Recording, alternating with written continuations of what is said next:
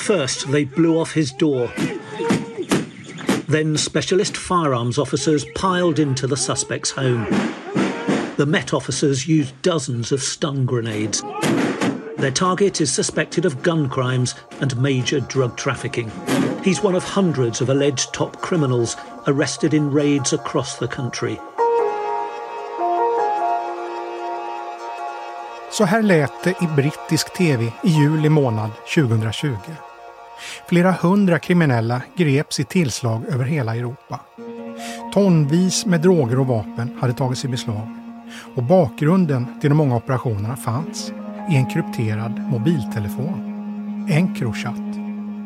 I kriminella kretsar har namnet varit synonymt med mobiler omöjliga att avlyssna. En skyddad kanal där brottsupplägg kunde diskuteras helt utan insyn.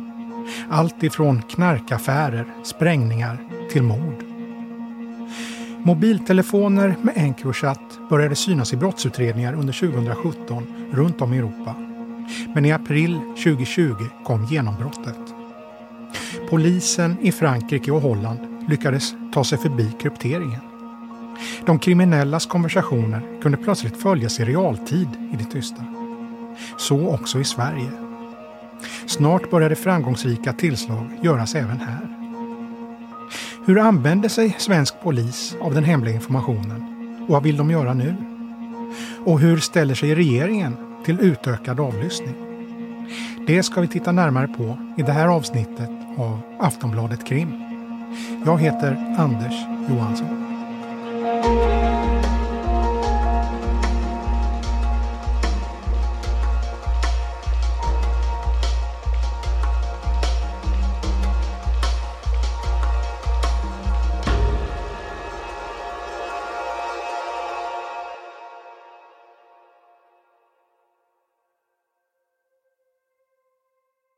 Det här avsnittet tänkte vi börja med att lyssna till något som hörs på ett kort filmklipp. Klippet kommer från en övervakningskamera som är uppsatt i Järfälla, en kommun i Stockholmsområdet. Det är inspelat en solig vårmorgon i slutet av maj och det hörs stillsam fågelsång i bakgrunden. Kameran är riktad mot en altan i ett villaområde och har aktiverats av dess sensor. Inte för att någon rör sig just där utan på grund av det som utspelar sig ett par hundra meter därifrån. Vid en busskur i närheten väntar några personer som ska till skola och till jobbet. De tittar lite i sina mobiltelefoner.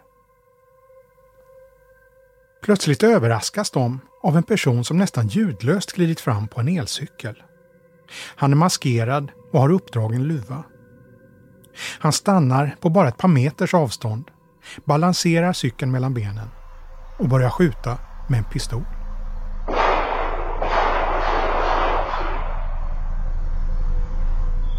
Han avlossar skott efter skott och måltavlan tycks vara en av de väntande resenärerna som sitter på bänken. En man i 20-årsåldern. Första smällen startar övervakningskameran vid villan en bit bort och skottlossningen fångas upp på filmen.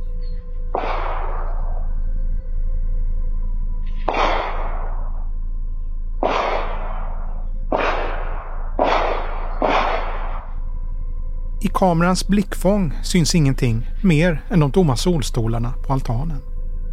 Hade ljudet varit avstängt hade det sett ut som en vanlig morgon i en villaidyll. Måltavlan träffas bland annat i magen och försöker undkomma kulorna. Han springer upp i ett skogsområde men skytten följer efter och fortsätter skjuta. När offret faller ihop på marken och skytten ska avlossa det dödande skottet är ammunitionen slut. Han slänger ifrån sig vapnet och springer tillbaka bland träden, fram till sin elcykel och försvinner. Ett vittne får med delar av förloppet på en mobilfilm.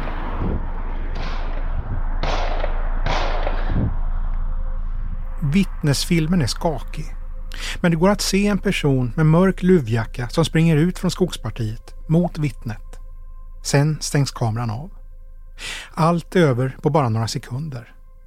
Det är så det kan se ut vid dödliga gängskjutningar som aldrig klaras upp. Men här blir utgången en annan. Ni som är vana lyssnare av den här podden kanske känner igen händelseförloppet. Vi pratade nämligen om det här fallet i ett annat avsnitt. Det som handlar om de stulna regeringspistolerna. Då kunde vi berätta att skytten några månader tidigare hade gripits med ett av vapnen som stulits från regeringskansliet. Men anledningen till att vi nu återvänder till det här ärendet i Järfälla har ingenting med det vapnet att göra, utan hur polisen kommer gärningsmännen på spåren. EUs byrå för brottsbekämpning, Europol, inledde operationen mot företaget Encrochat våren 2020. Det hade då visat sig att tjänsten med krypterad kommunikation användes nära nog uteslutande av kriminella i syfte att begå brott. Gång efter annan dök de krypterade mobilerna upp i olika brottsutredningar. Encrochat var ett operativsystem som installerades i Android-telefoner av några olika fabrikat. Telefonerna såldes först via marknadsplatser som Ebay, men senare allt mer genom personliga kontakter, så kallad support. Priset på telefonen kunde ligga på omkring 30 000 kronor. Telefonerna var också avskalade tekniskt och saknade till exempel GPS och USB-port. Med tjänsten följde också en PIN-kod för en praktisk paniklösning. Några knapptryck och telefonen raderades helt. Franska och nederländska myndigheter började samarbeta och lyckades ta sig förbi Encrochats krypteringsteknik. Plötsligt fick de tillgång till miljontals meddelanden som användarna utväxlade med varandra och det grova brott planerades. Europol tillsatte då en Operational Task Force, en särskild grupp som bearbetade och analyserade meddelanden i realtid. Informationen delades med berörda länder, däribland Sverige, som kopplades in direkt i april 2020. För Sveriges del var det underrättelseenheten vid polisens nationella operativa avdelning, NOA, som hanterade informationen, också i realtid. Det visade sig snart att det fanns omkring 800 användare i Sverige. Alla aktiva med kriminell verksamhet. Polisen fick plötsligt insyn i brottsupplägg på planeringsstadiet och kunde även kartlägga vilka som var de mest aktiva i de kriminella nätverken. Personer som litade blint på att de var skyddade av krypteringstjänsten. Meddelanden kunde exempelvis öppet handla om att en namngiven person skulle vara död inom samma månad. Vad betalningen för jobbet skulle bli samt svar med en tumme upp. Den 13 juni 2020 sker en scenförändring. Möjligheten att kunna följa Encrochat-meddelandena avstannar i princip helt i samband med att verksamheten bakom Encrochat insåg att tjänsten var avslöjad. Det sändes då ut ett varningsmeddelande till alla användare i vilket de råddes att omedelbart göra sig av med sina telefoner. Men då var det redan för sent. Under veckorna som följer sker flera polistillslag i Europa som grundar sig på information från chattkonversationerna. Guns, tons of drugs and millions of euros in cash after an early morning raid targeting some of the UK's top criminals. 746 people were arrested in the pan-European... This encrypted phone system was the key to the police success. Top villains thought it was impregnable, but detectives infiltrated it. A gigantic cyber investigation led to 800 arrests across Europe after law enforcement infiltrated EncroChat, an encrypted messaging system installed on phones criminals use to organize large scale drug trafficking, extortion, and murder. Ungefär samtidigt som det här sker börjar de första nyhetsartiklarna komma om Encrochat även i svensk press. Under månaderna som följer dyker det upp åtal efter åtal där kriminella avslöjats av sina egna meddelanden. Ett av fallen gäller alltså skjutningen i Järfälla.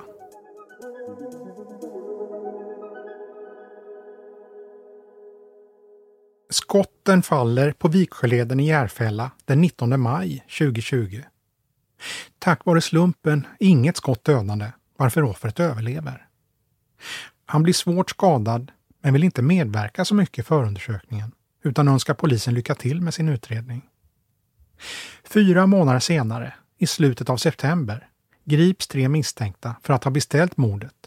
Och veckan därpå grips den misstänkte skytten som bara är 16 år. Bland bevisen finns detaljerade konversationer om dådet på Encrochat som svensk polis fått del av och analyserat. Användarna har påhittade namn, men polisen lyckades få fram vem som döljer sig bakom dem.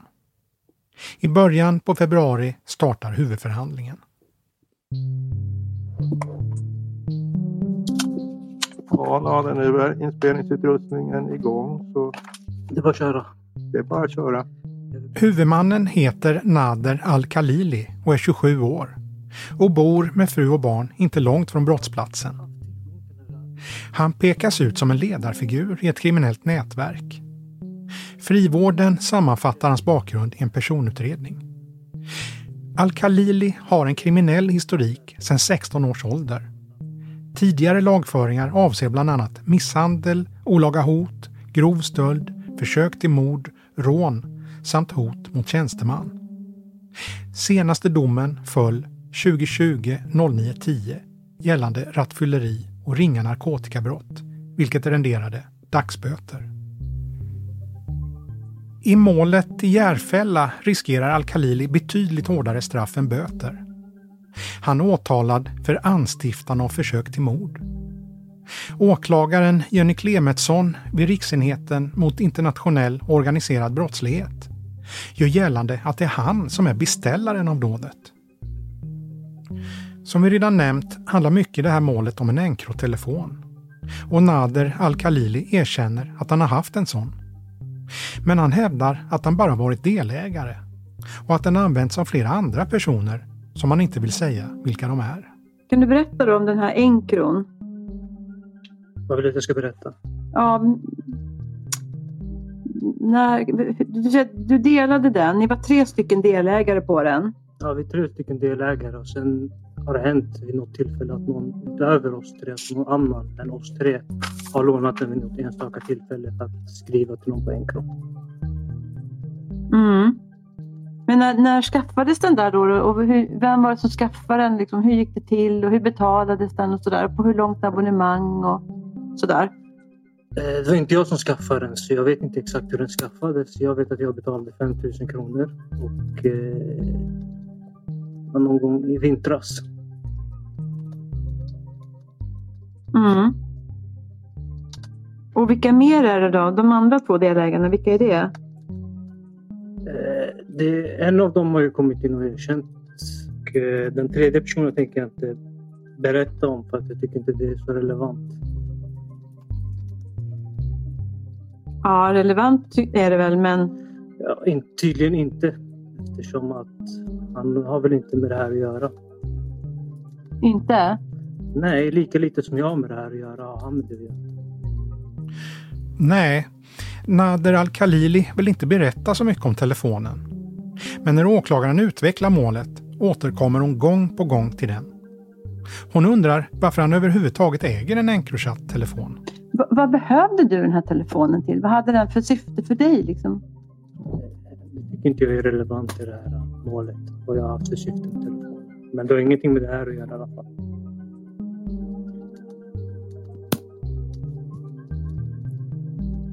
Tycker du inte att det är relevant? Nej, jag tycker inte det är relevant att jag ska behöva prata om vad jag gör förutom det mm. som är relevant i det här målet. En annan fråga från åklagaren gäller själva användarnamnet. Den telefon som Nader Al-Khalili har haft har hetat FTP FTP. Vad står det för FTP FTP? Jag har inte valt det som sagt. Jag Nej. inte veta vad som menas med men nog är det väl liksom, det, det man tänker på är väl fuck the police? vet du, du behöver inte fråga mig. Nej. En stor del av åklagarens frågor i målet gäller de meddelanden som skickats från användaren FTP FTP. Däribland meddelanden som tycks handla om den 16-årige pojke som sen ska utföra mordförsöket. Att FTP skriver “Ja bror, imorgon han ska ta han och det där, han är riktig hundragubbe den här ungen bror. Om du hade sett honom du skulle aldrig kunna tro så om han.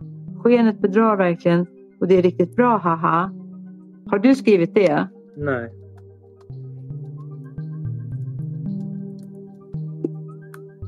Och precis efteråt kommer ju det där att FDP skriver din, din, din vän har format en riktig soldat som ser ut som en jättesnäll liten unge. Haha. Är det samma sak med det då?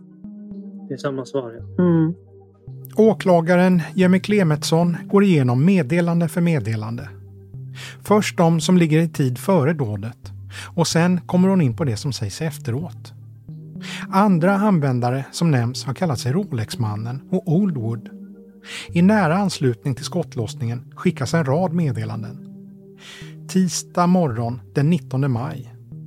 Alltså samma morgon som skotten i Järfälla faller.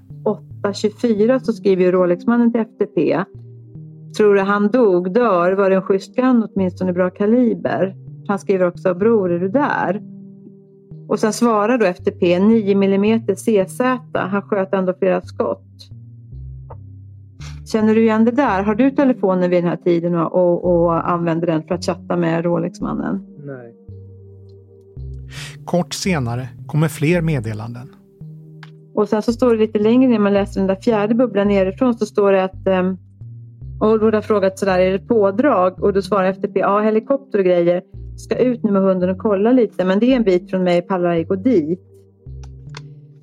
Eh, och sen också lite, den sista rutan då, då skrev FTP, men han sa till mig att han skulle ej gå därifrån innan han såg han dö. Är det där någonting du känner igen att du har varit med och skrivit eller chattat om det här? Nej, jag har inte chattat om det här.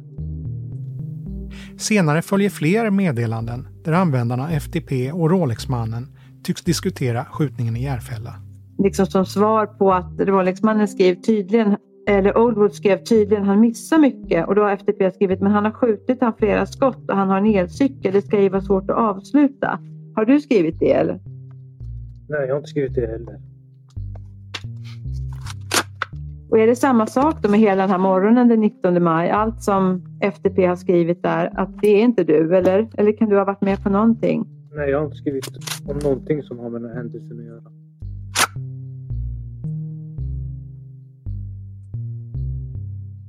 Nej, Nader Al-Khalili menar att han inte har med saken att göra och svarar ungefär likadant på de flesta frågorna som har med Encrochat att göra. Mot slutet av förhöret i rättssalen tar åklagaren Jenny Clemetsson upp några chattmeddelanden på hans vanliga mobil. Det verkar som att Al-Khalili och hans kontakter, drygt en månad efter dådet, börjar ana att Encro-konversationerna kan komma att bli ett problem framöver. Torsdag den 2 juli 2020, då står det om det här Encrochat, största brottsutredningen någonsin. Och sen så står det då, i vår kunde den franska polisen se live vilka meddelanden som pratades, brottslingar som skickade till varandra och så vidare. Och efter hela det långa meddelandet så skriver du på sidan 612 shit och den andra 612. Och så skriver den andra mm. Och sen står det att du har skrivit jag bara tänker hur man ska kunna knyta en enkro till en specifik person. Minns du om du har skrivit det där? Nej, det minns jag inte, men jag har säkert skrivit. Mm. Men kände du någon oro då? Nej, jag vet inte faktiskt om jag minns om jag kände någon oro. Jag kan Mm. inte komma ihåg. Mm.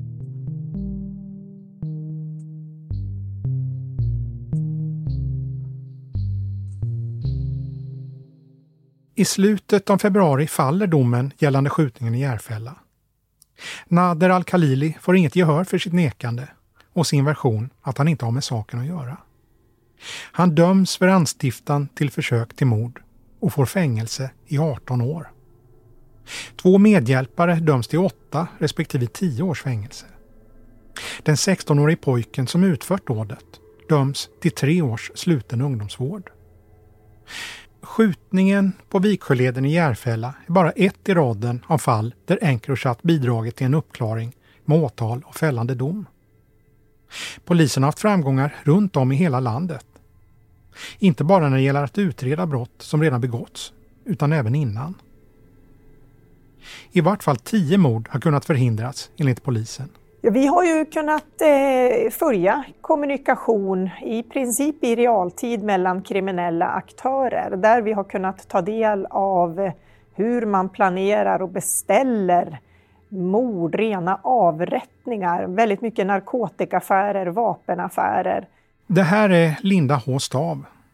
Hon är chef för underrättelseenheten på NOA, polisens nationella operativa avdelning. Det är de som framförallt hanterat material från de dekrypterade chattarna i inledningsskedet. Linda H. Stav säger att materialet gett polisen insyn i kommunikation mellan kriminella aktörer från alla håll i Sverige. I princip hela landet. På samma sätt som vi ser hur skjutningar och sprängningar eh, Eh, inträffar i landet idag så kan vi nog se en kartbild som ser i princip likadan ut kring, kring eh, den här kommunikationen och mellan vilka aktörer. Sen ska man inte glömma bort att mycket av det vi har sett har ju handlat också om aktörer som har befunnit sig utomlands. Flera led, alltså den som har anstiftat många av de här morden har befunnit sig flera led ifrån den som faktiskt sen utför skjutningen, eh, eller om det är en sprängning för den delen. Ehm, det har ju varit eh, också en fram, alltså stor framgång tack vare det arbetet att vi eh, inte bara skaffat oss en bättre underrättelsebild utan helt plötsligt så har vi suttit på bevisning mot aktörer som vi känner till sedan tidigare. Vi har en god underrättelsebild kring att man beställer mord, man anstiftar mord, men vi har inte haft bevisning för att kunna styrka att det är de som ligger bakom de här skjutningarna. Helt plötsligt så fick vi det. Eh, så att dels kunde vi skapa nya ärenden för att få dem dömda, men vi fick också en hel del bevisning som kunde hjälpa till i redan pågående tidigare förundersökningar där vi hade svårt att komma framåt och finna bevisning. Eh, så att eh, ja, det, det, en, en, kommunikationen har gällt hela landet ska jag säga, viss koncentration framförallt då till, till storstäderna. Men aktörerna kan ju i många fall, de som har kommunicerat kan ju ha befunnit sig till och med utomlands och sitter därifrån, känner sig trygg och säker, beställer ett mord, låter någon annan utföra det. Men tack vare den här kommunikationen då så har vi en helt annan bevisning i nuläget mot dem också. När förstod ni att det här kunde vara så användbart?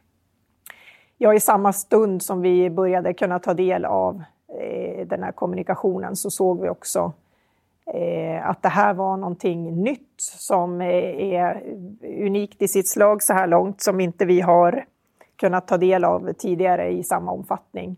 Det som är, jag skulle säga så här, att det, det som har gjort det här unikt, det är ju att vi har Eh, vi har kunnat, eh, vi från polisens sida har i realtid kunnat befinna oss på en, en, om vi kallar det för en plats, där mängder av grovt kriminella samlats eh, för att i klartext prata om sina brottsupplägg utan att vi i förväg haft konkreta misstankar om deras brott. Och det som skiljer eh, det här från avlyssningsfallen som vi har enligt svensk rätt idag. Eh, I, I de fallen då går vi in i ärende efter ärende mot utpekat misstänkta. Men nu kom vi in på en arena där vi, där vi kunde bara sitta och eh, ta del av brottsplaneringen på ett annat sätt utan att vi hade i förväg utpekade misstänkta personer. Så det blev en väldigt stor mängd information på en gång att omhänderta rakt in i de kriminella miljöerna. Hur hann ni med allting? Vi har jobbat med prioriteringar men vi, och vi bearbetar fortfarande den här informationen så att eh, det kommer ytterligare eh, åtal framöver. Fram till idag, hur, eh, om man ska räkna, hur, hur ser det polisiära resultatet ut? Ehm, det, om vi säger så här, vi har sen, eh, sen vi eh, kunde påbörja operativa åtgärder. Vi, det här var ju först en, en hemlig operation så då gällde det ju bara att samla på den, den information och sen, sen hålla det väldigt, väldigt eh, eh, skyddat så att inte det skulle läcka ut. Men sen när det här då väl var offentligt och vi kunde påbörja våra, våra insatser. Så sedan dess har vi haft eh, ungefär 230 häktade. Eh, vi har eh, i ärenden som handlar om ett 40-tal eh, ärenden om, om mord, mordförsök eller anstiftan till mord eller förberedelse till mord. Eh, det handlar om beslagtagna vapen i, i mängder, pistoler, automatvapen, eh, sprängämnen, droger och miljoners miljoner pengar som vi har tagit i beslag från kriminella. Och det här är ju bara då för Sveriges del. Eh, så här långt 18 tror jag det är tingsrättsdomar som har meddelats så här långt. Och du nämnde också att det är fler åtal att vänta. Ja, det är fler åtal att, att vänta. Och de handlar om? Det är egentligen samma sak, men vi har ju jobbat i den prioriteringen att det som har varit i viktigast information att omhänderta i första hand, det är det som har handlat runt eh, som har handlat planering kring just eh, mord, förberedelse till mord. Eh, större narkotikauppgörelser och narkotikaaffärer. Eh, men vi fortsätter att omhänderta all den information som vi eh, har i, tack vare den här Encro i krypterings eh, i kommunikationen och eh, det är mycket information så det ena leder till det andra. Så det, det går inte att säga att det finns något så jättetydligt slut i detta heller, för vi får ju en del bra information som gör att vi bygger på den med ytterligare ny information och det skapas nya ärenden hela tiden. Ja, det verkar onekligen skapas nya ärenden hela tiden. Och när det här spelas in har det bara i Stockholmspolisens Encroärenden dömts ut 125 fängelseår. Söker man i de olika tingsrätternas arkiv dyker det upp fall efter fall där Encrochat spelat roll. I den här podden har vi inte möjlighet att gå igenom alla ärenden, men vi har valt tre fall som på olika sätt illustrerar hur materialet gett polisen en unik inblick i miljöer som tidigare varit insynsskyddade. Ett exempel gäller en händelse i maj förra året. En händelse som tidningen Sydsvenskan var först med att berätta om. Det hela utspelar sig på ett hotell i Ängelholm, en mellanstor stad i norra Skåne. På kvällen den 23 maj spärras gatorna av utanför byggnaden och ett tiotal civilklädda poliser går in. Målet är en barnfamilj där pappan i familjen misstänks ha en ledande roll i den gängkonflikt som krävt flera liv i Malmö under de senaste åren. Men mannen ska inte gripas. Istället tas hela familjen om hand och förs till hemlig ort. Anledningen är att polisen genom dekrypterade meddelanden kunnat se hur ett annat gäng planerat att mörda mannen. Några månader senare grips en annan man misstänkt för inblandning planeringen till dådet. En man i 35-årsåldern häktades idag på sannolika skäl misstänkt för förberedelse till mord på en person i Ängelholm i våras. Mannen greps i Malmö och anhölls efter beslut av Riksenheten mot internationell och organiserad brottslighet. När den här podden spelas in har ingen dömts för dådet. Men åklagaren har tidigare sagt att han tror sig kunna väcka åtal till sommaren.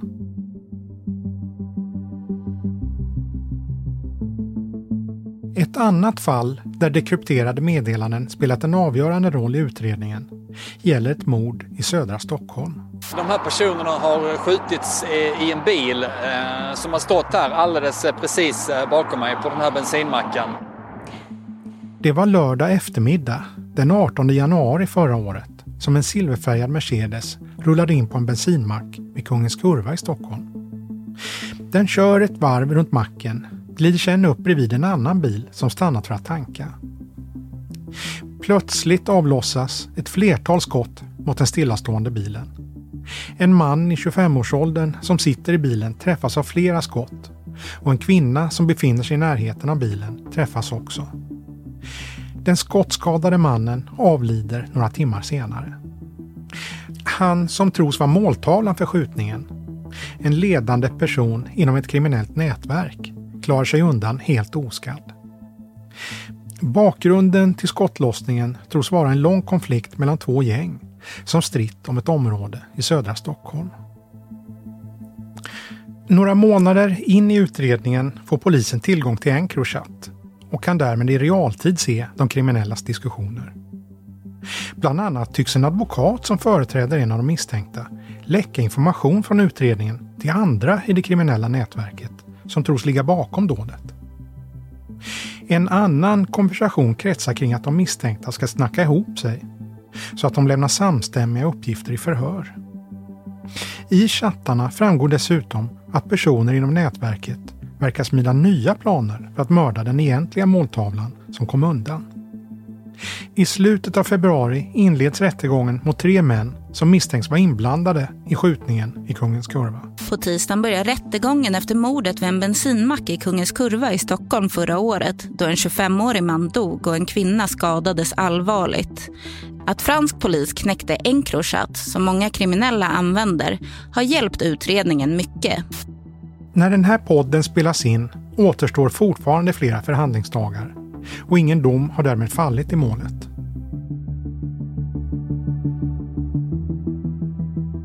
Ett tredje exempel på polisens framgångar med Encrochat gäller ett fall som fått mycket stor medial uppmärksamhet. Fallet där flera personer misstänks ha kidnappat en svensk känd artist. Hela den här historien började under våren 2020 när det började spridas bilder på sociala medier.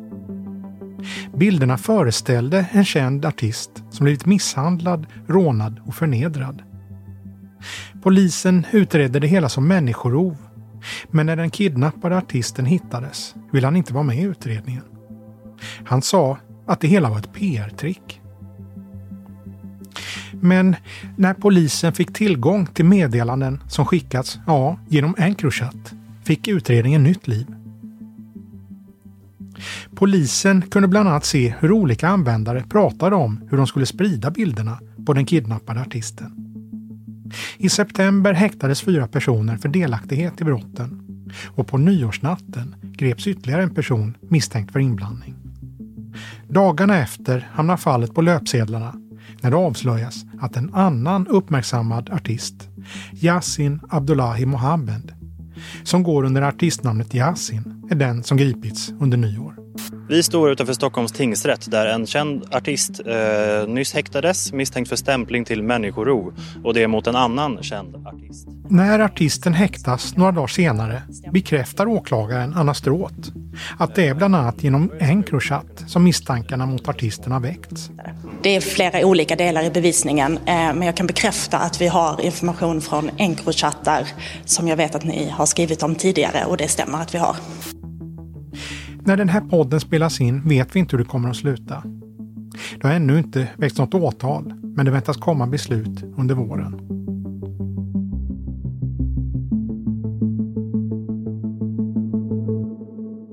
När Encrochat knäcktes slutade de kriminella snabbt att använda tjänsten. Istället gick många över till något som heter Sky ECC, en annan krypterad tjänst. Under arbetet med det här avsnittet kommer nyheten om att belgisk polis knäckt även den tjänsten. På många sätt påminner historien om Encrochat. Polisen har kunnat läsa meddelanden i flera månader och ska redan ha gjort en rad tillslag tack vare den knäckta krypteringen. I vilken utsträckning det kommer leda till rättsfall även i Sverige återstår att se. Däremot står det helt klart att Encrochat lett till många genombrott i svåra utredningar. Linda H. Stav, underrättelsechefen som vi pratade med tidigare i avsnittet, menar att den framgång som polisen sett med Encrochat talar för att de borde få mer verktyg för att lyssna på kriminella. När vi fick möjlighet att komma in i, på det här sättet att läsa kommunikation mellan kriminella utan att vi hade en direkt misstanke om ett särskilt brott. För det är så det normalt sett fungerar. Så har vi misstanke om ett brott, vi får beslut om tvångsmedel, avlyssning och så följer vi det för att få bevisning eh, för att kunna eh, utreda det brottet. Så i det här fallet så fick vi komma in i en arena där kriminella talade med varandra i krypterad kommunikation. Och det som var ett kvitto för svensk eh, polis, alltså polisens eh, svenska underrättelsetjänst, det var att eh, de flesta aktörerna var inte nya för oss. Vi hade redan en god bild kring vilka de var. Och det vi ytterligare fick nu, det var ju bevisning också för att vi skulle kunna utreda och leda till fällande domar.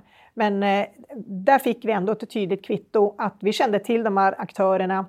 Vi har en god underrättelsebild, bra underrättelsetjänst. Men vi behöver ytterligare verktyg då för att kunna komma djupare in i deras kommunikation, kunna ta del av den i syfte att eh, förhindra deras brottslighet innan den faktiskt har fullbordats. Men det är kommunikation på andra appar? Det kan handla om all typ av, eh, all typ av kommunikation, eh, om, oavsett vilken app eller vilken typ av eh, tekniskt hjälpmedel som man använder för att kommunicera. Så. Är politikerna emot det? I, jag skulle, det, det, kan jag inte svara på egentligen, utan det jag tycker är viktigt är egentligen bara beskriva det här behovet. Jag har förståelse för eh, de som hävdar att eh, vi kan inte avlyssna människor i, i största allmänhet och det är det absolut inte heller tal om. Utan jag ser ju framför mig att det skulle kunna vara en domstol som beslutar, precis som det finns i flera andra länder. Det är en domstol som beslutar om när man får gå in och eh, göra en avlyssning eh, av krypterad kommunikation i underrättelsesyfte. Eh, och då ska ju också vara väl underbyggt varför vi ska titta på vissa kriminella aktörer och att vi har redan en, en eh, bra bild kring deras brottsliga verksamhet. Men vi behöver ytterligare information för att kunna förhindra den brottsliga gärning som de eh, är på väg antagligen att begå. Vilken typ av eh, kommunikationskanaler syftar du på? Ja, egentligen precis de kommunikationskanaler som de kriminella använder för att eh, kom kommunicera. Och de är? Ja, Encrochat har ju varit en såklart. Eh, sen eh, precis vart vi befinner oss idag och så vidare, det kan jag inte gå in på, men det kan jag säga att vi jobbar hela tiden med att ligga i, i framkant och följa hack i häl. Så där, när man flyttar över till ett annat forum eh, så kommer vi alltid att jobba för att finnas där. Men det finns behov av eh, en eh, utökad lagstiftning i, i underrättelsesyfte. Och mm, mm, tack vare Frankrike och Europol och det samarbete så har vi ju nu kunnat se vilka eh, goda effekter det gör i brottsbekämpningen när vi får ta del av den här typen av kommunikation. Vi ser ju tydliga resultat som vi inte har sett, eh, jag skulle säga kanske någonsin tidigare i Sverige. Inte att det är så många kriminella aktörer som vi har kunnat gripa på en och samma gång under så kort tid. Och framför allt är det ju att vi har också bevisning nu mot dem som vi har känt till i många år men som vi inte haft tillräckligt med bevisning för att de ska kunna fällas för de grova brotten. Nu fick vi det. Eh, så att eh, på, på, den svenska arenan så har det ju gjort stor skillnad i brottsbekämpningen. Just det. Men lagstiftningen hänger inte med riktigt? Mm, nej, det, finns, det finns ett, helt klart ett behov som vi ser att se över lagstiftningen när det gäller tvångsmedel i ett underrättelsesyfte, det vill säga innan förundersökning är inledd. Vi har god eh, information kring kriminella aktörer och kring deras brottsliga verksamhet.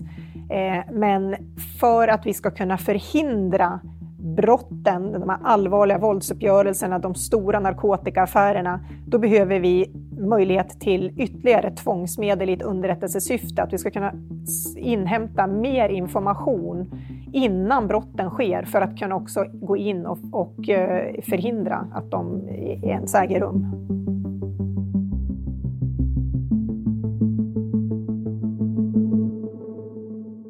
Det här är inte en helt okomplicerad fråga. Frågan om att lyssna på personer utan någon konkret brottsmisstanke.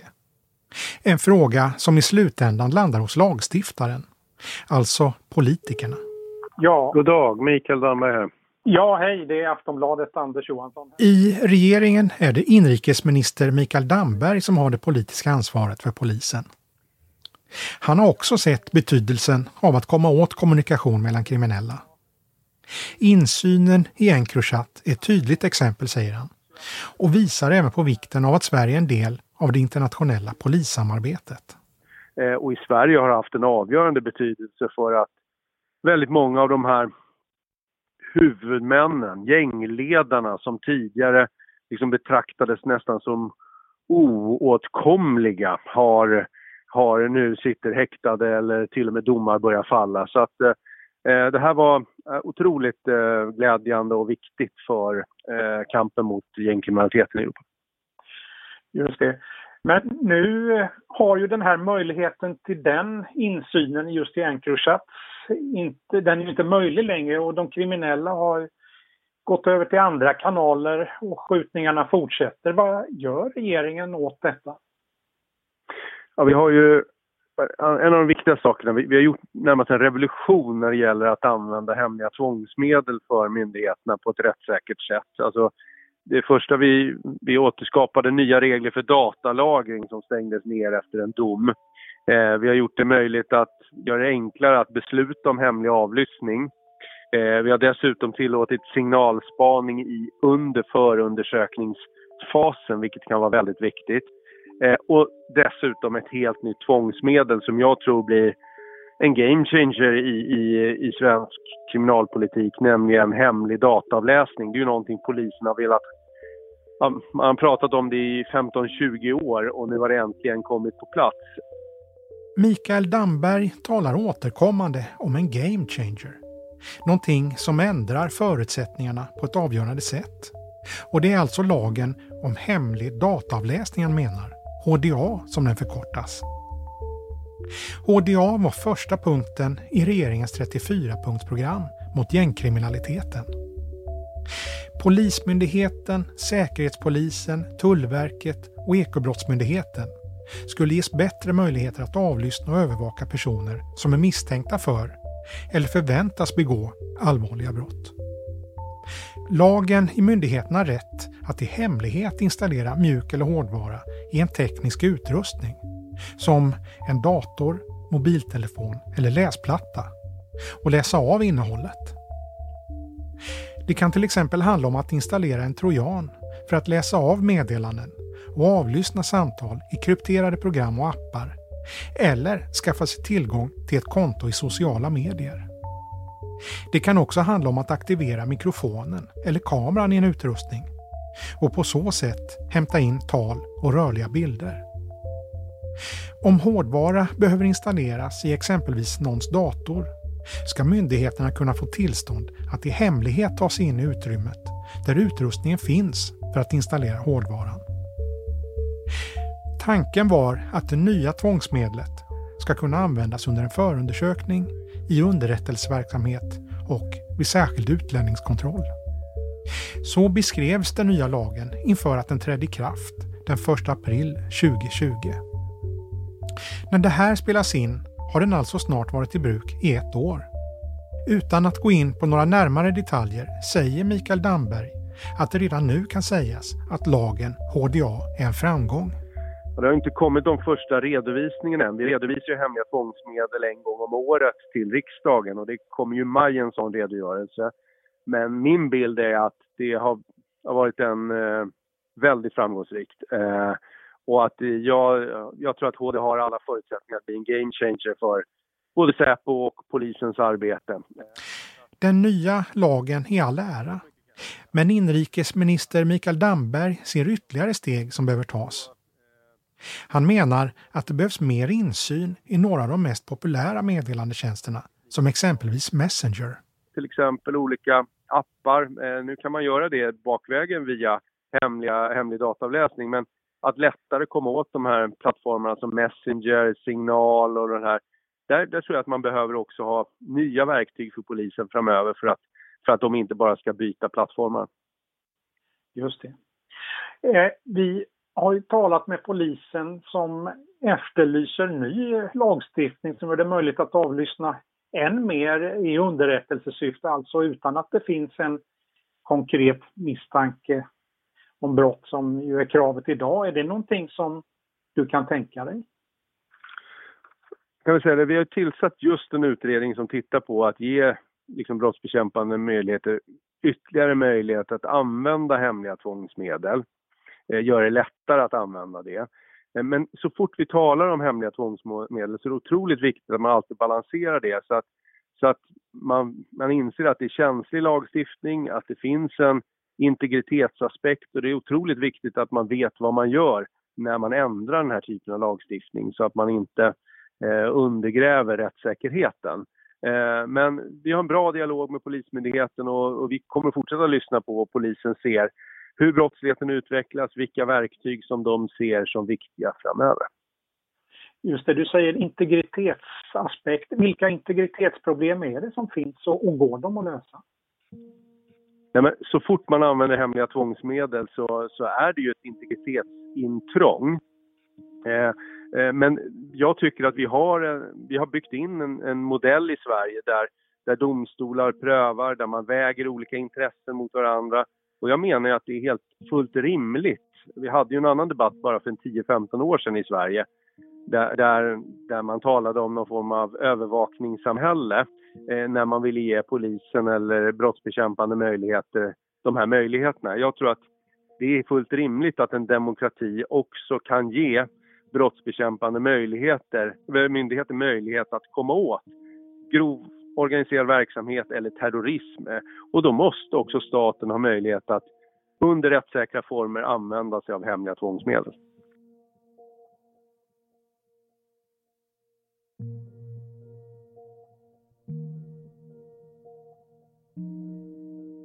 Du har lyssnat på ett avsnitt av podden Aftonbladet Krim.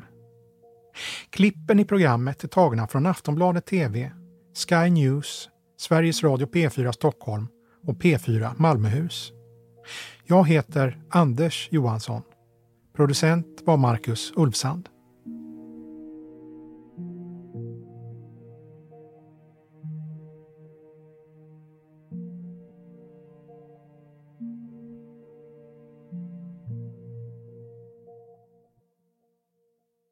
Du har lyssnat på en podcast från Aftonbladet. Ansvarig utgivare är Lena K Samuelsson.